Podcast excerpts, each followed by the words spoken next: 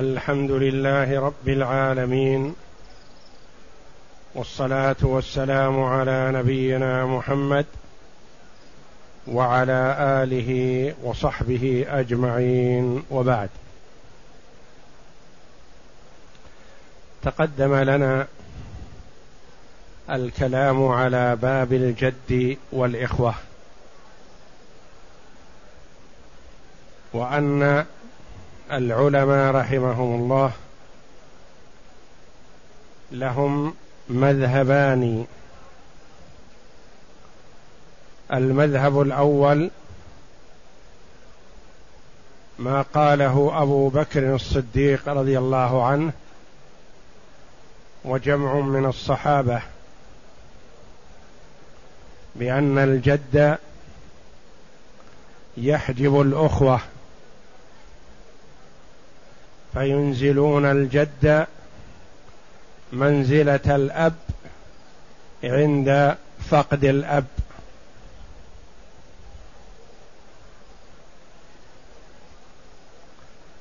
القول الثاني ما ذهب إليه زيد بن ثابت رضي الله عنه وجمع من الصحابة وقال به جمع من العلماء من التابعين ومن الأئمة ومن الفقهاء بأن الجد لا يحجب الأخوة سواء كانوا أشقاء أو لأب. وأما الإخوة لأم فهم محجوبون بالجد بالإجماع.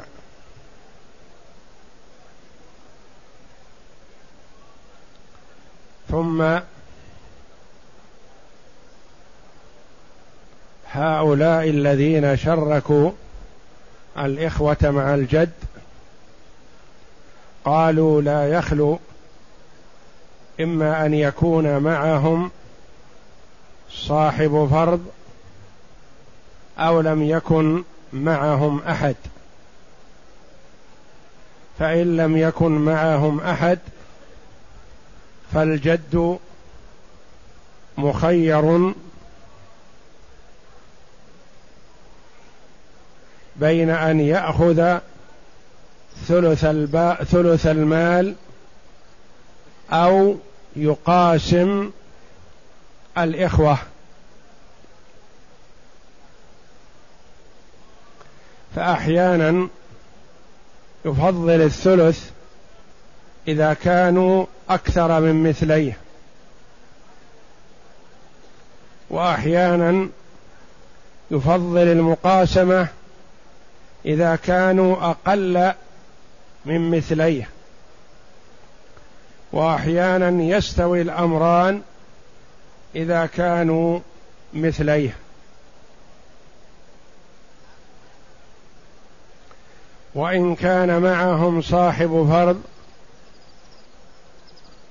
وأصحاب الفروض الذين يتصور وجودهم مع الجد والإخوة هم الزوجان والأم أو الجدة. يعني المراد أحد الزوجين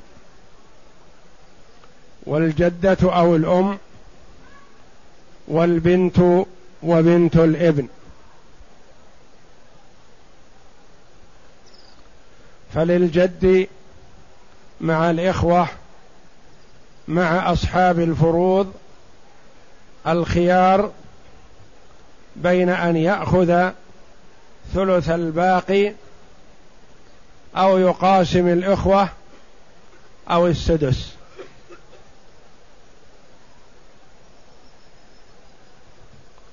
وأحيانا يكون ثلث الباقي خير له وأحيانا يكون تكون المقاسمة خيرا له وأحيانا يكون السدس خيرا له وأحيانا يستوي له الأمران وأحيانا يستوي له الثلاثة.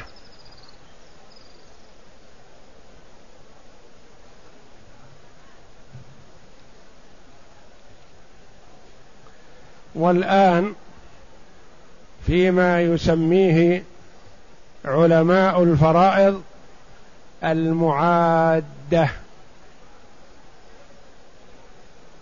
بتشديد الدال المعادة من العد. وذلك إذا كان مع الجد إخوة. اشقاء وإخوة لأب واحتاج الإخوة الاشقاء عد إخوتهم من الأب على الجد فيعدونهم عليه عند المقاسمة ثم يأخذون ما بأيديهم بعد ذلك لأنهم لا يرثون مع الأشقاء وإنما يرثون مع الجد فيعدون على الجد ثم يأخذ الأشقاء ما بأيديهم. وذلك إذا احتاج الأشقاء إلى الإخوة أو الأخوات لأب.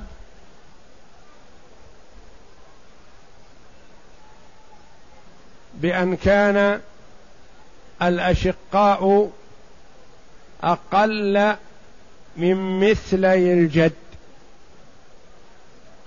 واحتاجوا للإخوة لأب ليكملوا بهم مثلي الجد أو أقل من ذلك.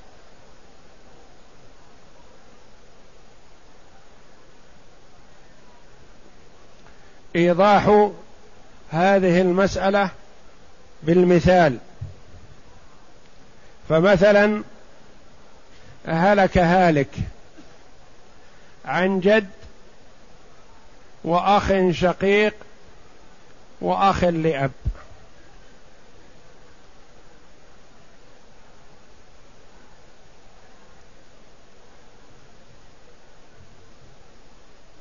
بادئ الأمر نقول الأخ لأب لا يرث مع الأخ الشقيق وهو محجوب. لكن هل هو محجوب عن الميراث مع الجد أم لا؟ لا ليس محجوب. فعند حضور الجد يقال له ابن ابنك خلف أخوين. واحد شقيق وواحد لأب. وأنت. فإذا نظرنا في المسألة قلنا يستوي للجد في هذه المسألة أن يأخذ الثلث أو يقاسم لأن الرؤوس ثلاثة. جد وأخ شقيق وأخ لأب. كم رؤوسهم؟ ثلاثة. فنقول للجد معك أخوان. فيقول يستوي لي الأمران المقاسمة أو الثلث. فيقاسم. فيأخذ واحد من ثلاثة ويبقى اثنان لمن؟ كأنها في الظاهر للأخوين. فإذا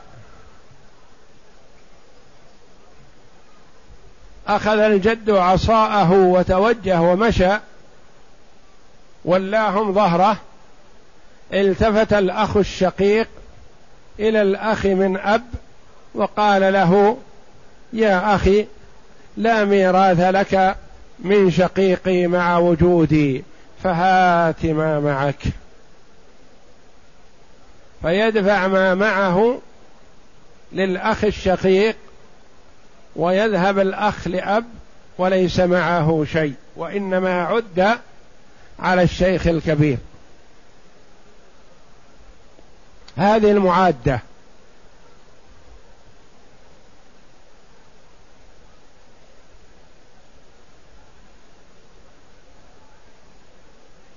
ولها صور كثيرة اوصلها العلماء رحمهم الله إلى ثمان وستين صورة يعني مسألة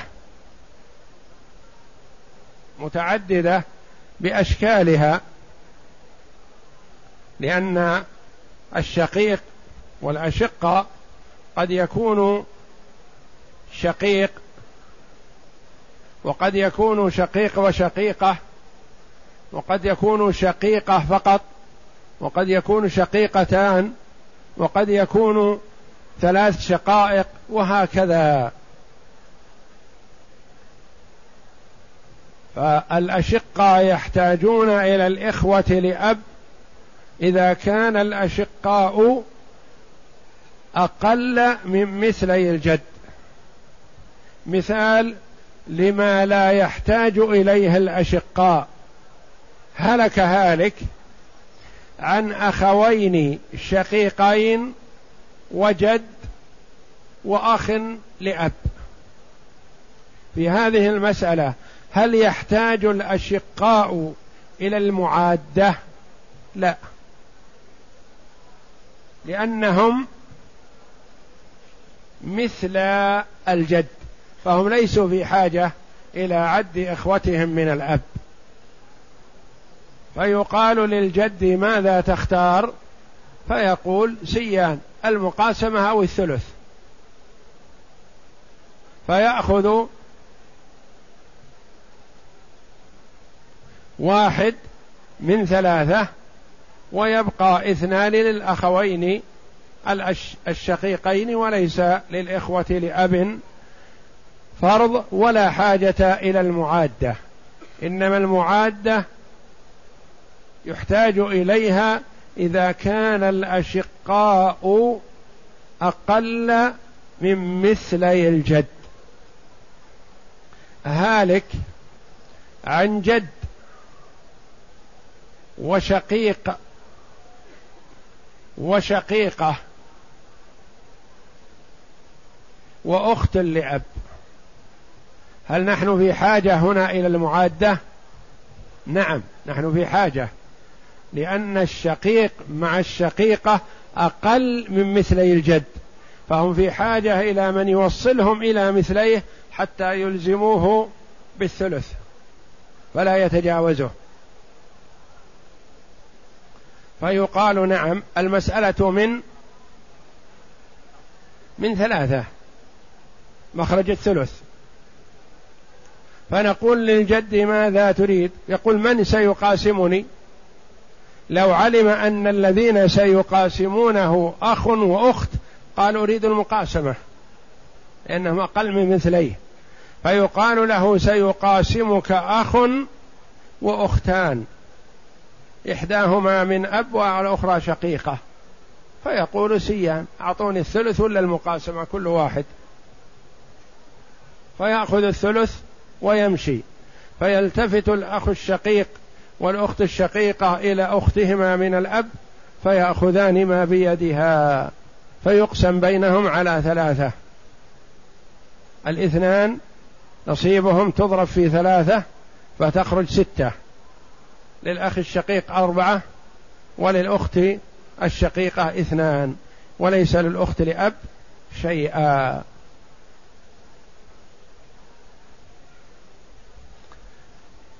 إذا فعرفنا أن المعادة أن يعد الأشقاء على جدهم إخوتهم من الأب إذا احتاجوا إليهم.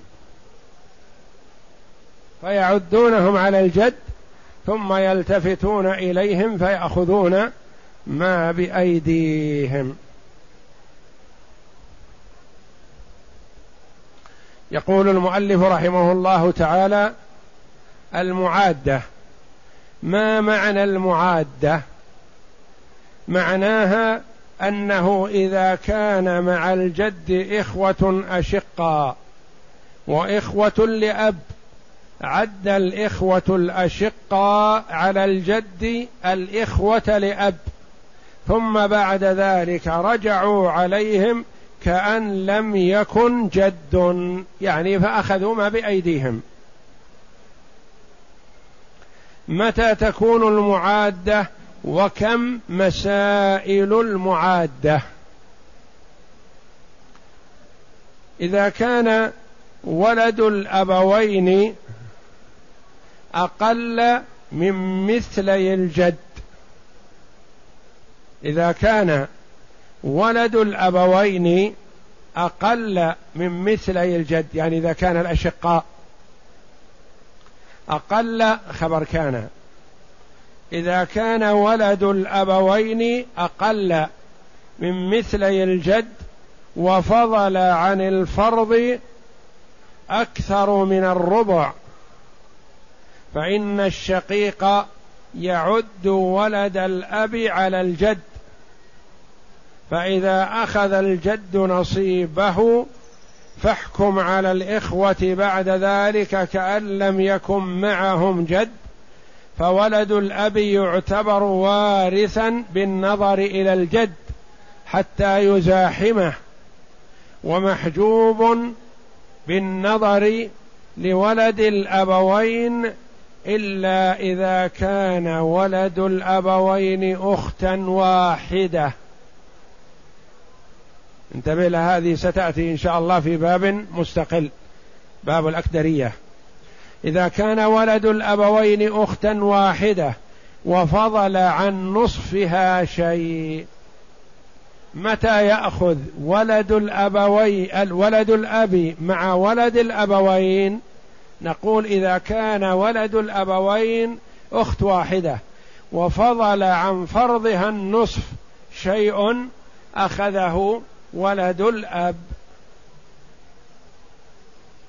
أما إذا كان ولد الأبوين ذكرا فإنه لا يبقى لل لولد الأب شيء.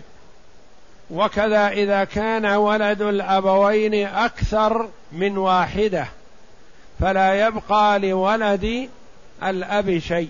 متى يبقى لولد الأب مع ولد الأبوين؟ إذا كان ولد الأبوين أخت واحدة أنثى واحدة. وفضل عن نصفها شيء أخذه ولد الأب. كما سيأتينا إن شاء الله في المسألة التي تسمى مسألة الأكدرية.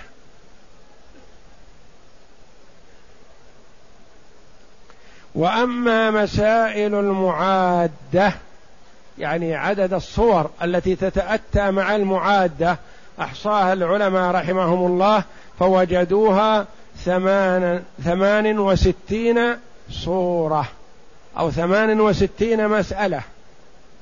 هذه مسائل المعادة التي يحتاج ولد الأبوين إلى ولد الأب فيعدونهم على جدهم.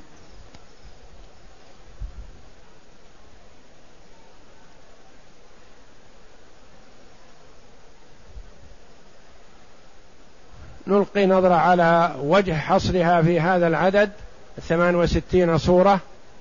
أولا أن مسائل المعادة لا بد فيها أن يكون الأشقاء دون المثلين. متى نحتاج إلى المعادة؟ إذا كان الأشقاء دون مثلي الجد. أما إذا كانوا مثلي الجد أو أكثر فلا حاجة إلى المعادة. إذا كان الأشقاء مثلا اثنان أو الإناث أربع أو ذكر وأنثيان فلا حاجة إلى المعاد أو كانوا أكثر من ذلك فلا حاجة. إنما يحتاج متى؟ إذا كان ولد الأبوين أقل من مثلي الجد. وكم الصور التي تتأتى إذا كان ولد الأبوين أقل من مثلي الجد؟ يتأتى خمس صور. يتأتى خمس صور. صورها بعقلك. من يشارك الجد من ولد الأبوين؟ إما أخت واحدة. وإما أختان. وإما ثلاث أخوات. وإما أخ شق واحد. وإما أخ وأخت. خمس. لا يتأتى أكثر من هذا. ابدأ بها من أولها. أخت. أخت أختان ثلاث أخوات أخ أخ وأخت. إذا كانوا أخ وأختين ما صع ما يحتاج إلى معادة لأنهم مثلي الجد. متى يحتاجون؟ في خمس صور. أخت أختان ثلاث أخوات لأن عبارة عن واحد ونص. أخ. أخ وأخت. واحد ونص. يعني إذا كانوا أقل من رأسين بالنسبة إلى رأس الجد. أما إذا كانوا مثليه فلا حاجة إلى المعادة لأنهم يكتفون بأنفسهم. لا بد فيها أن يكون الأشقاء دون المثلين وينحصر ما دون المثلين في خمس صور. هي جد وشقيقة. جد وشقيقتان. جد وثلاث شقائق. جد وشقيق وش وجد وشقيق. جد وشقيق وشقيقة. خمس.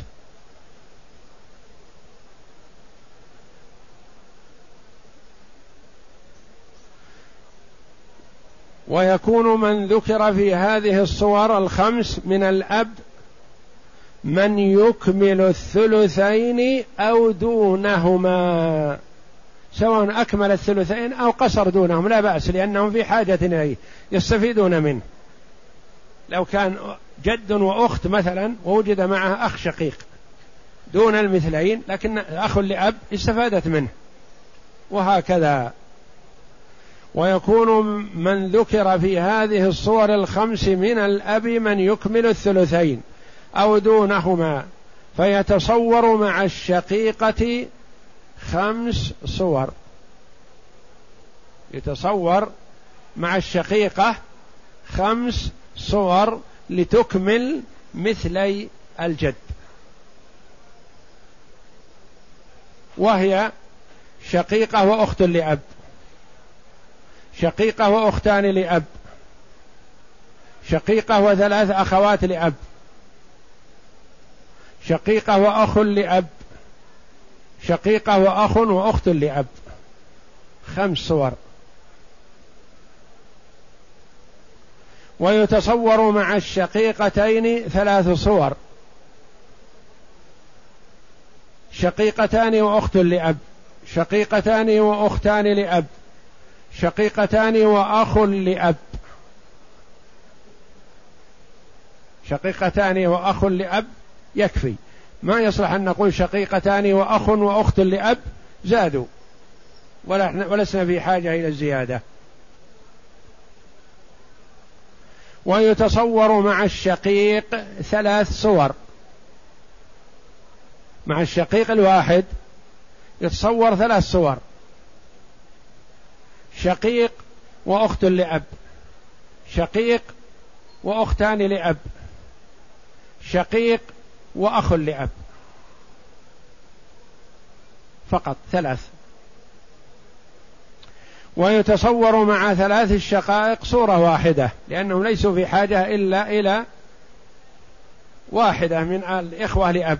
لأن ثلاث شقائق فيحتجن إلى واحدة من الأب فتكون معهن مثلي الجد.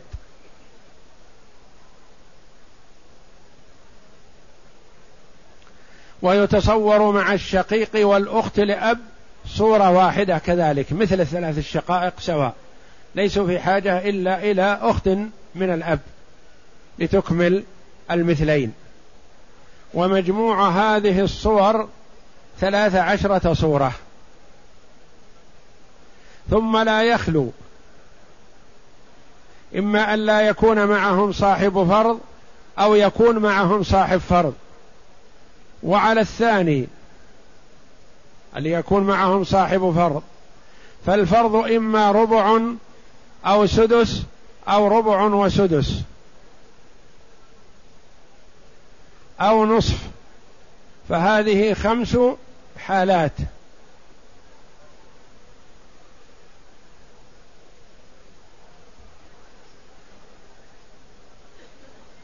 أربع في حالة إذا كان معهم صاحب فرض والخامسة إن لم يكن معهم صاحب فرض تضرب في ثلاث عشرة صورة يخرج خمسة وستون صورة. إذا ضربنا ثلاثة عشر في خمسة خرج خمسة وستون. ثم صورتان في تصوير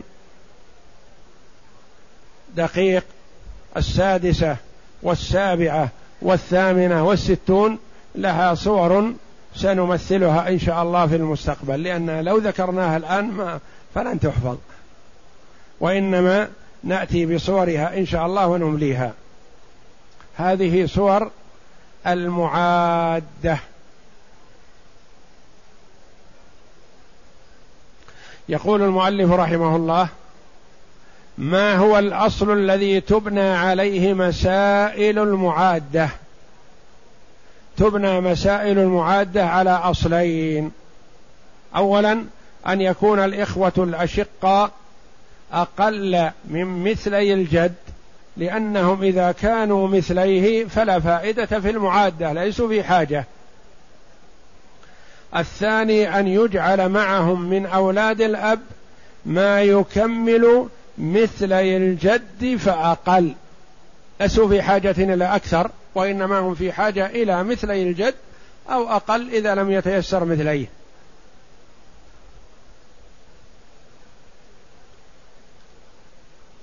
مثال ذلك مثله المؤلف رحمه الله جد وأخ شقيق وأخ لأب. المسألة من كم؟ من ثلاثة. يأخذ الجد واحد ويبقى اثنان للأخ الشقيق والأخ لأب. فيلتفت الأخ الشقيق على الأخ لأب ويأخذ ما بيده. فيكون للأخ الشقيق اثنان وللجد واحد. فهو عد أخاه من الأب على جده ولم يترك له شيئا.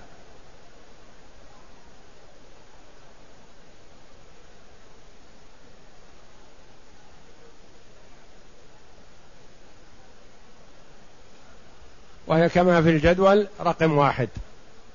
مثال آخر جد وشقيقتان وأخ لأب كالسابقة. المسألة من ثلاثة. يستوي للجد المقاسمة وثلث جميع المال فله واحد. ويكمل للأختين الثلثين. فلا يبقى شيء لولد الأب وصورتها في الجدول رقم باء. يقول هل يبقى لولد الأب شيء بعد أخذ الشقيق نصيبه؟ الجواب إذا كان ولد الأبوين ذكرا أو عدة إناث يعني أكثر من واحدة لم يبقى لولد الأب شيء.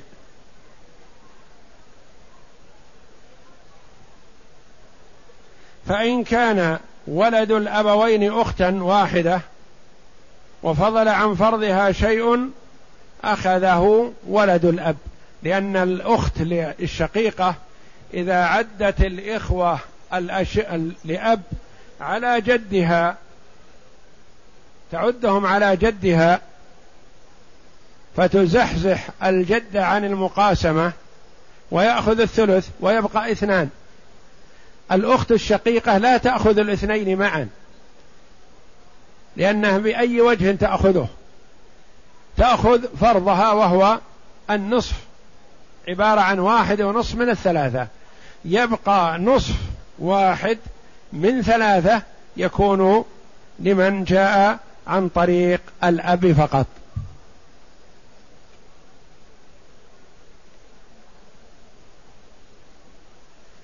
ولا يتفق هذا إلا في مسألة فيها فرض غير السدس.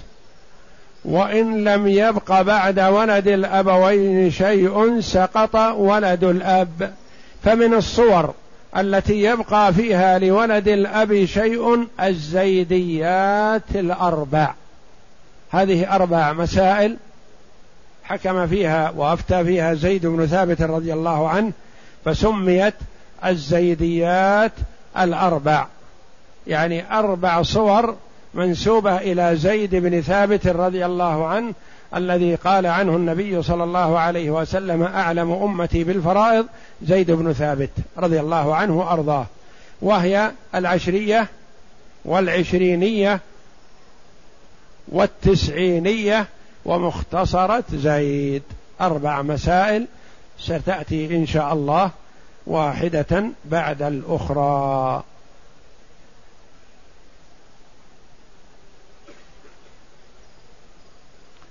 اقسم. هلك هالك. عن جد. وأختين شقيقتين. عن جد. وأختين شقيقتين. وأخ لأب. المسألة من ثلاثة. نعم. للجد للجد واحد الثلث واحد. ويبقى اثنان لمن تكون الأصل أن الإخت كيف كانت من ثلاثة؟ لأننا عددنا الأخ لأب مع الأختين الشقيقتين بثلاثة برأسين بالنسبة للجد. فالأختان الشقيقتان عدتا أخاهما من الأب على جدهما. فقلنا المسألة من ثلاثة. أعطينا الجد واحد فذهب. فأراد الأخ لأب أن يأخذ واحد وتأخذ الإختان اثنين واحد بينهما. فالتفتا إليه وقالتا لا يا أخينا نحن فرضنا في كتاب الله من أخينا الشقيق الثلثان. كمل لنا الثلثين ونعطيك ما بقي. فما الذي بقي بعد أخذ الجد؟ ما بقي إلا الثلثان.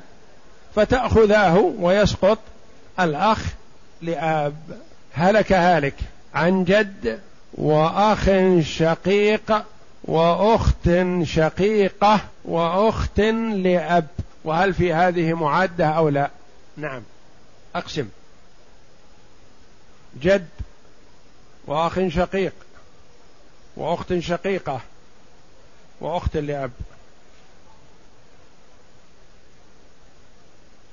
المسألة من كم؟ أول شيء نقول المسألة من ثلاثة لنفرز نصيب الشيخ الكبير. فنعطيه واحد من ثلاثة الثلث. فيبقى اثنان كأنها على عدد رؤوسهم. شقيق وشقيقة وأخت لأب.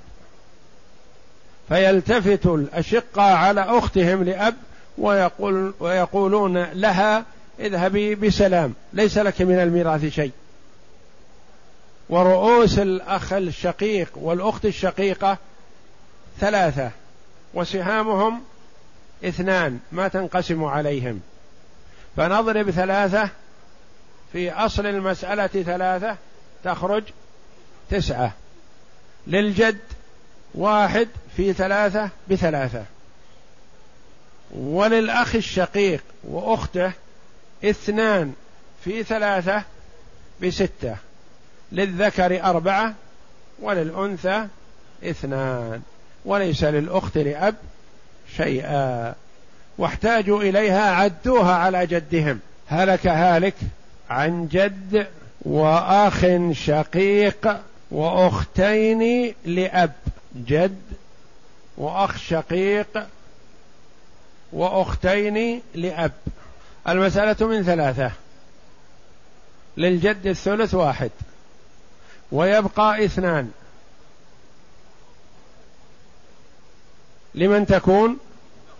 للأخ الشقيق. وليس للأختين لأب شيئا لأن من كان لأب لا يرث مع الأشقاء. فيأخذ الأخ الشقيق اثنان ويأخذ الجد واحدة. أو يأخذ الأخ الشقيق اثنين ويأخذ الجد واحدة. ولا يبقى للإخوة للأخوات لأب شيئا. هلك هالك. عن جد وثلاث شقائق. وأخت لأب. المسألة من ثلاثة. للجد الثلث واحد. يذهب. بقي اثنان. وعندنا ثلاث أخوات شقائق وأخت لأب. كأنها عدوا الأخت لأب مع على الجد حتى يأخذ الثلث ويذهب. فيكون باقي اثنين. بقي اثنان وهما عبارة عن الثلث. فالأخوات الثلاث يقولن هذا نصيبنا وليس لك أيها الأخت من الأب شيئا. فكيف يقسم عليهن؟ نقول سهامهن اثنان ورؤوسهن ثلاثة. نضرب ثلاثة في أصل المسألة. ثلاثة في ثلاثة بتسعة.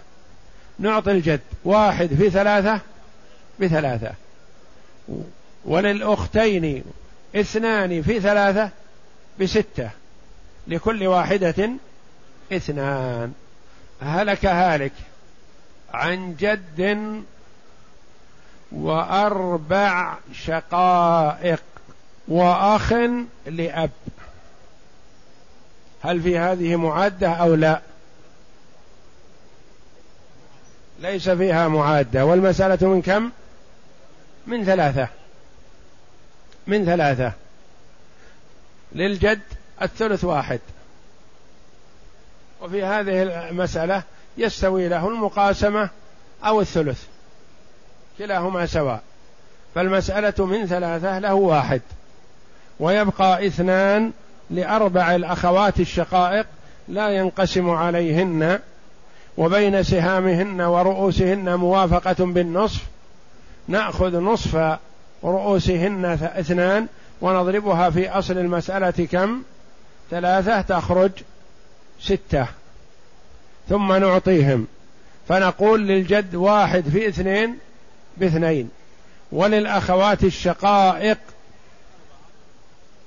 لهن اثنان في اثنين بأربعة لكل واحدة واحد. والله أعلم. وصلى الله وسلم وبارك على عبده ورسول نبينا محمد وعلى آله وصحبه أجمعين. يقول السائل هل الستة الأيام صيامها من أول شوال من ثاني يوم من أيام شوال أم تأخيرها أفضل؟ ونقول المهم أن تكون في شهر شوال. لكن من باب المبادرة بفعل الطاعة وأن الإنسان لا يدري ما يعرض له فالمبادرة خير.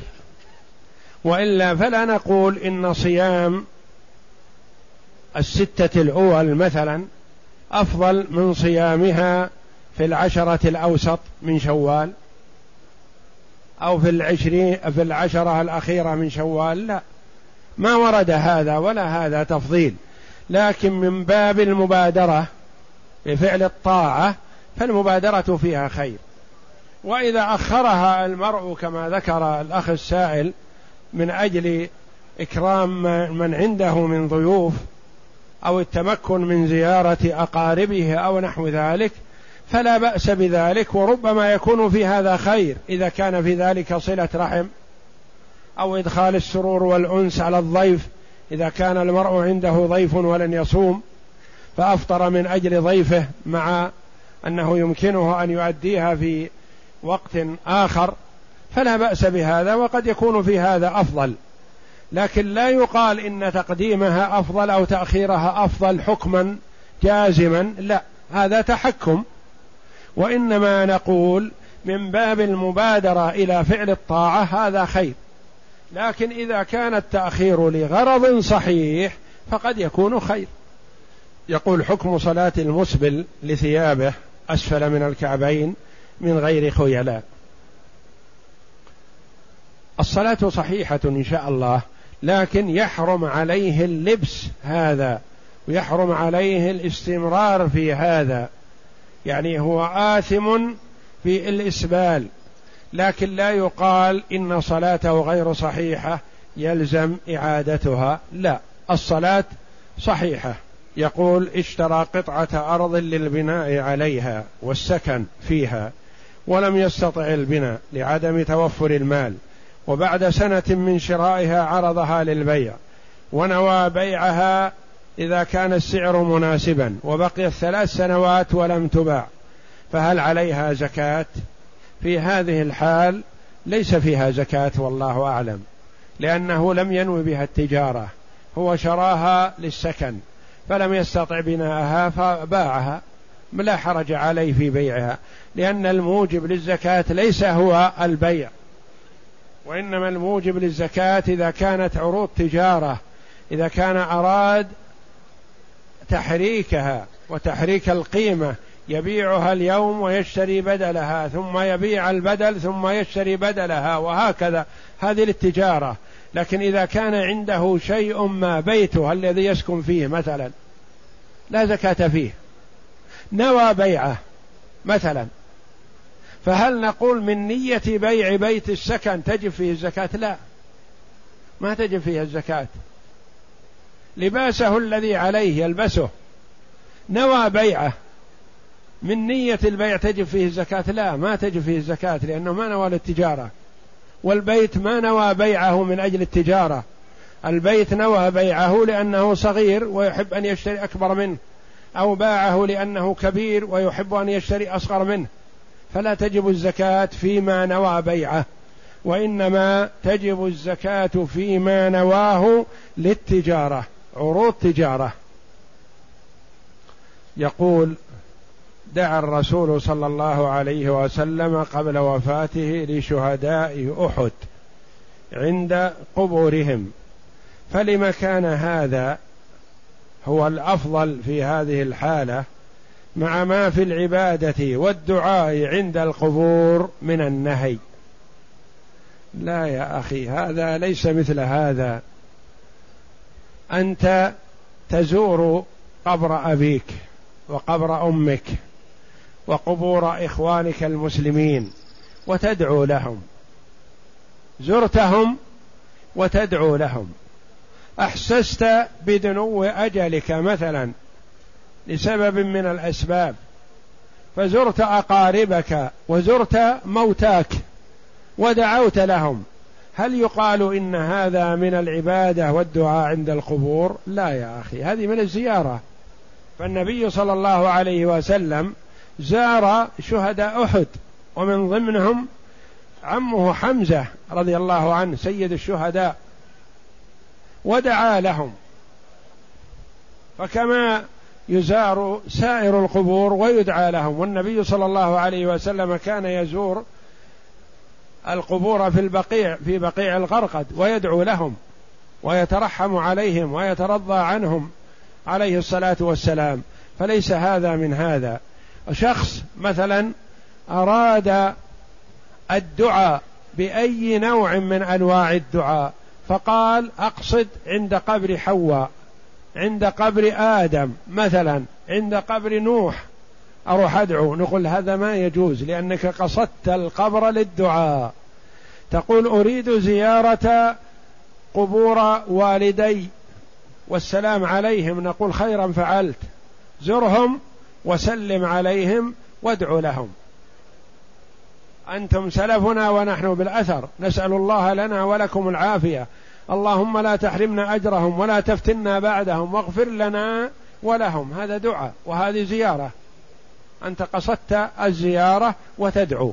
لكن إذا قصدت القبور من أجل الدعاء لنفسك أو لوالديك أو للمسلمين أو حصل أمر ما من الأمور على المسلمين فقلت أذهب إلى المقبرة وأدعو الله بأن يفرجها عن المسلمين. نقول لا يا أخي أخطأت.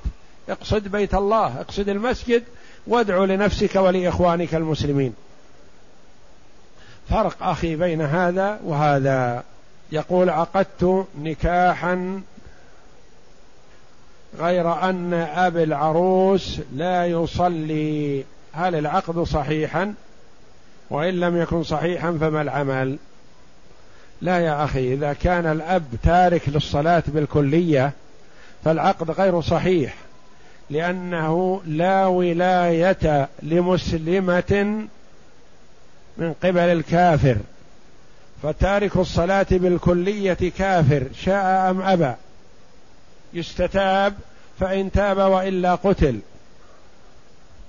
فلا ولاية له عليها وهو في هذه الحال. فلا بد من تصحيح العقد أما أن يتوب إلى الله ويصلي ويعقد لك عقدا صحيحا جديدا أو يعقد من يليه في الولاية. إذا كان الأب بهذه الصفة فيعقد لك عليها الأخ الشقيق. وليكن هذا بعد مراجعة الحاكم الشرعي. لأنك لا لا تنقل الولاية هكذا. يستتاب الأب فإن تاب فليعقد عقدا صحيحا. وإن لم يتب فيحكم القاضي بأنه لا ولاية له على ابنته ثم تنتقل الولاية لمن بعده. يقول يوم الجمعة يقوم شخص فيعظ الناس على أمر مهم قبل مجيء الإمام. هل هذه بدعة؟ إذا اعتاد أهل المسجد هذا واستمروا على هذه فيقول فنقول لا يجوز لأن هذه موعظة قبل الخطبة ولم يفعل في الصدر الأول. أما إذا كان مرة واحدة لأمر مهم يريد التنبيه عليه أو نحو ذلك فلا نقول إن هذا العمل محرم لأن النصيحة يجب بذلها باستمرار. وإذا كان لأمر مهم أو شيء يفوت ثم نبه عليه في هذا التنبيه فلعله لا بأس بذلك إن شاء الله. ما الذي يصل من الأحياء إلى الأموات؟ هل تصل إليهم قراءة القرآن أم تصل الصدقة بالمال؟ وأيهما أفضل؟ للعلماء رحمهم الله في مثل هذه المسألة قولان. القول الأول قالوا أي عمل صالح فعله حي ونوى ثوابه لميت وصله بإذن الله. هذا عام. القول الثاني قالوا لا عممتم شيئا لم يرد في الشرع وإنما ما ورد في الشرع فهو يصل وما لم يرد في الشرع فلا يصل. ورد الصدقة عن الغير تصل بإذن الله.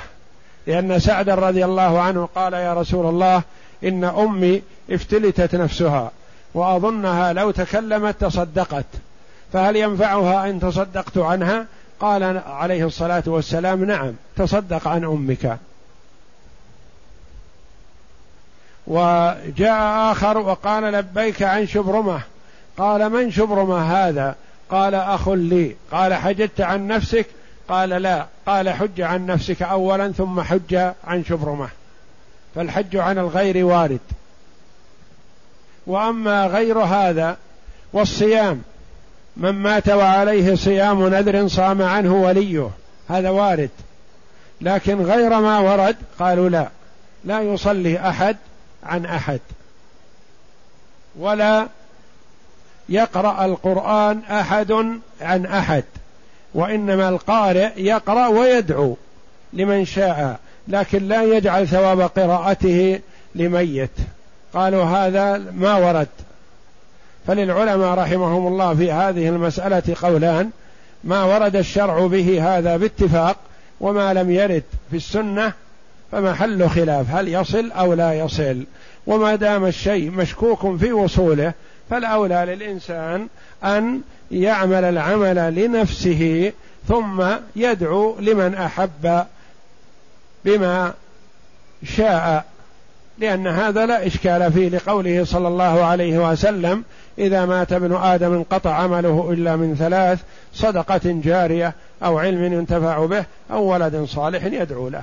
فالولد الصالح المستقيم على شرع الله جل وعلا المحافظ على الصلوات الخمس إذا دعا لوالديه نفعهما ذلك بإذن الله. لأن. لأن الولد من آثار الوالدين وهما السبب في وجوده. والمراد بالولد إذا قيل فالمراد به الذكر والأنثى.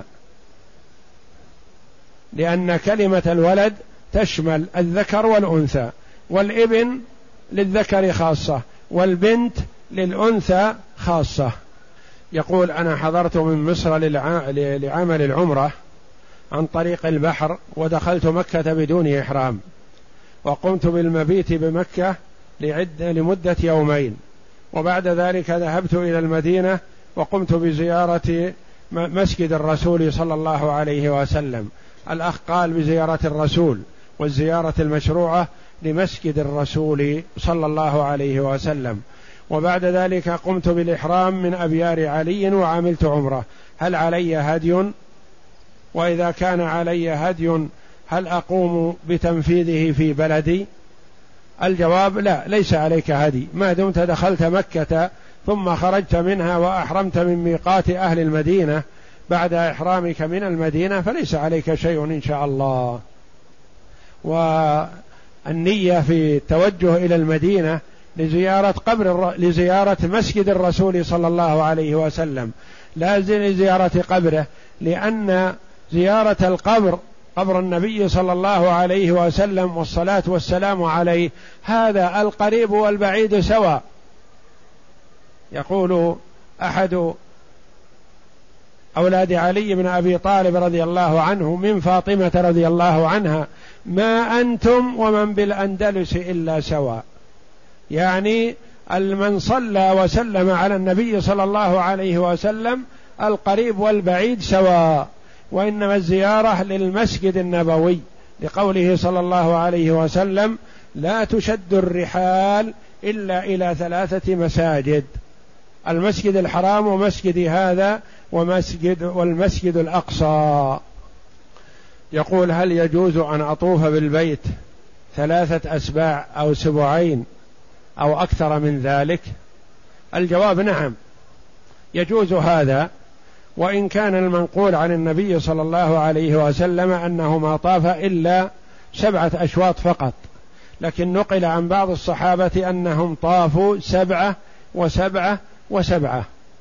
فلا ينوي الأربعة عشر جميع أو الواحد والعشرين جميع وإنما يجدد النية لكل سبعة. طاف سبعة أشواط ثم يبدأ طوافا جديدا بسبعة أشواط أخر وهكذا.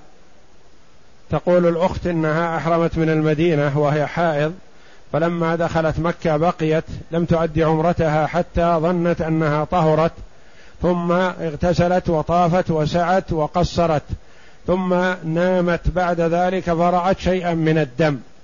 وأقول إذا كانت رأت الطهر عند اغتسالها واغتسلت طاهرة وطافت وسعت وهي طاهرة فطوافها وعمرتها صحيحة ولا يضيرها ما أتاها من الدم بعد ذلك. يقول هل يجوز الطواف للوالدين أو لا؟ هذا محل خلاف كما تقدم. والأولى للإنسان أن يطوف لنفسه ويدعو لوالديه ولمن أحب. والله أعلم.